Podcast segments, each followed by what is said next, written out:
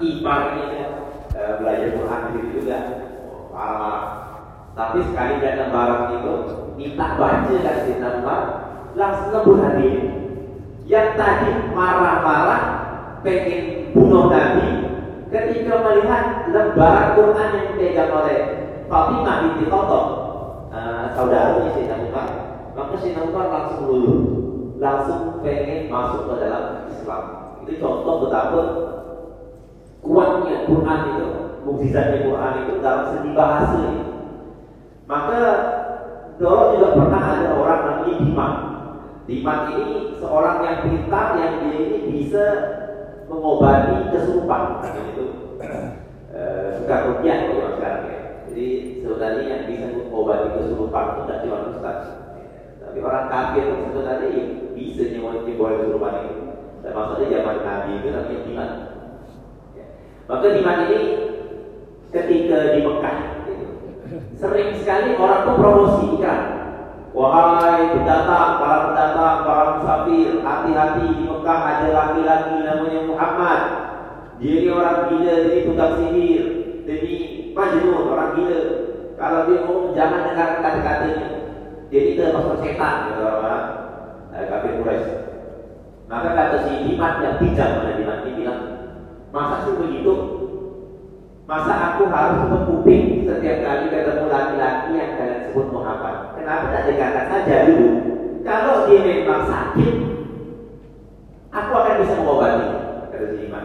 Kalau dia perlu sesuatu yang kita omongkan. Jadi Iman ini tipe orang yang tidak mau termakan hoax, tidak mau termakan berita buruk. Langsung didatangi oleh Muhammad, Nabi Muhammad Sallallahu Alaihi Wasallam, dan digolong sama Nabi Muhammad. Wahai pemuda, kau mengatakan kau gila karena engkau menghina Tuhan Tuhan mereka. Kau mengatakan kau ini kemasukan setan sehingga ngomong atau tidur, ngomong rantur. Kamu panjang lebar. Timan ini ngomong sama Muhammad. Dia ceramah itu dinasihati lagi. Nah, di antara kata-katanya, kalau engkau memasukkan setan, aku bisa obati. Kalau engkau perlu sesuatu, perlu harta dan lain sebagainya, kita bisa omongkan. Kata si Iman. Maka Nabi dengarkan. Nah ini contoh bagaimana Nabi Wasallam ini tipe orang yang uh, jago dalam berargumen juga. Jadi Nabi tidak tiba-tiba mematahkan argumen, tiba-tiba orang ngomong dia ngomong. Tapi orang kalau berdebat begitu. Makanya berdebat dan orang berkelahi, tidak selesai. Kita ngomong, si A ngomong, si B ngomong. Kita ngomong, dia ngomong.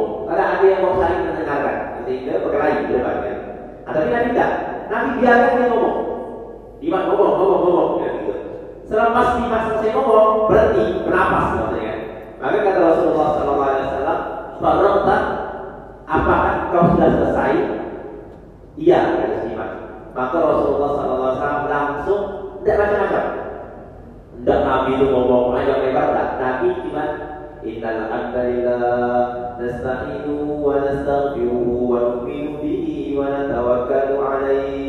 Wa na'udzu billahi min shururi anfusina wa min sayyiati a'malina. Kemudian ayo baca Quran juga, baca Quran.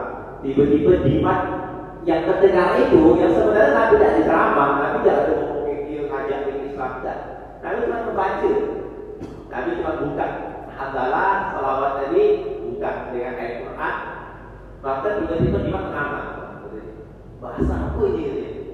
Langsung Dimat yang tadinya pengen Nabi itu ikut dia ataupun berobat sama dia tiba-tiba langsung masuk Islam seketika itu juga.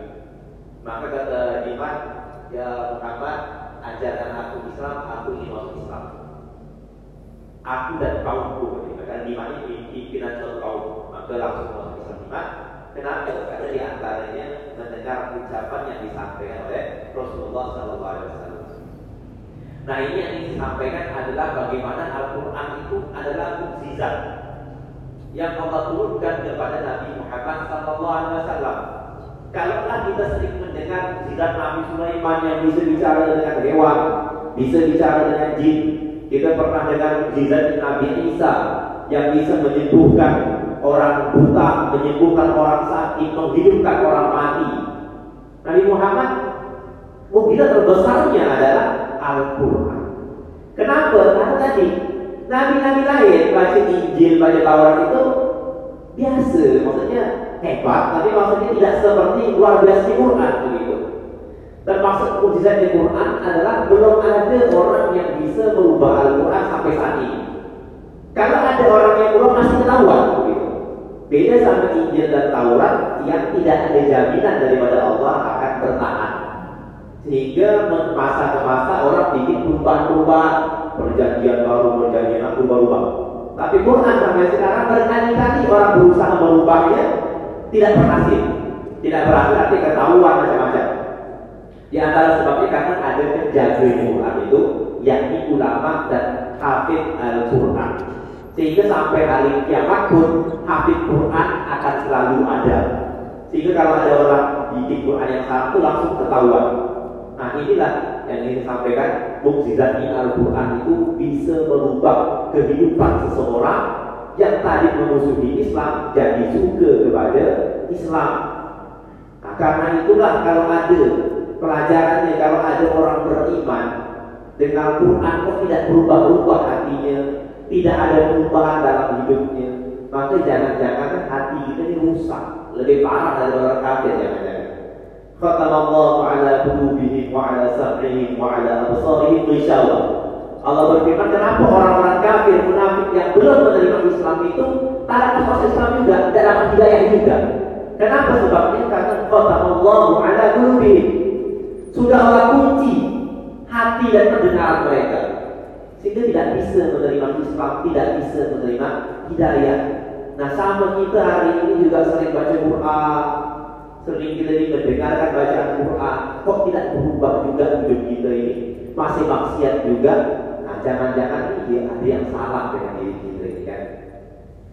Dulu ketika Nabi membaca Quran, itu jin saja ikut mendengarkan.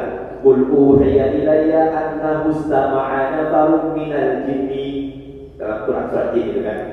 Ada rombongan jin yang mendatangi Nabi dan bilang diri kepada Rasulullah, ya Rasulullah, aku ingin mendengarkan bacaan Al-Quran. Maka jin saja suka dengan bacaan Al-Quran.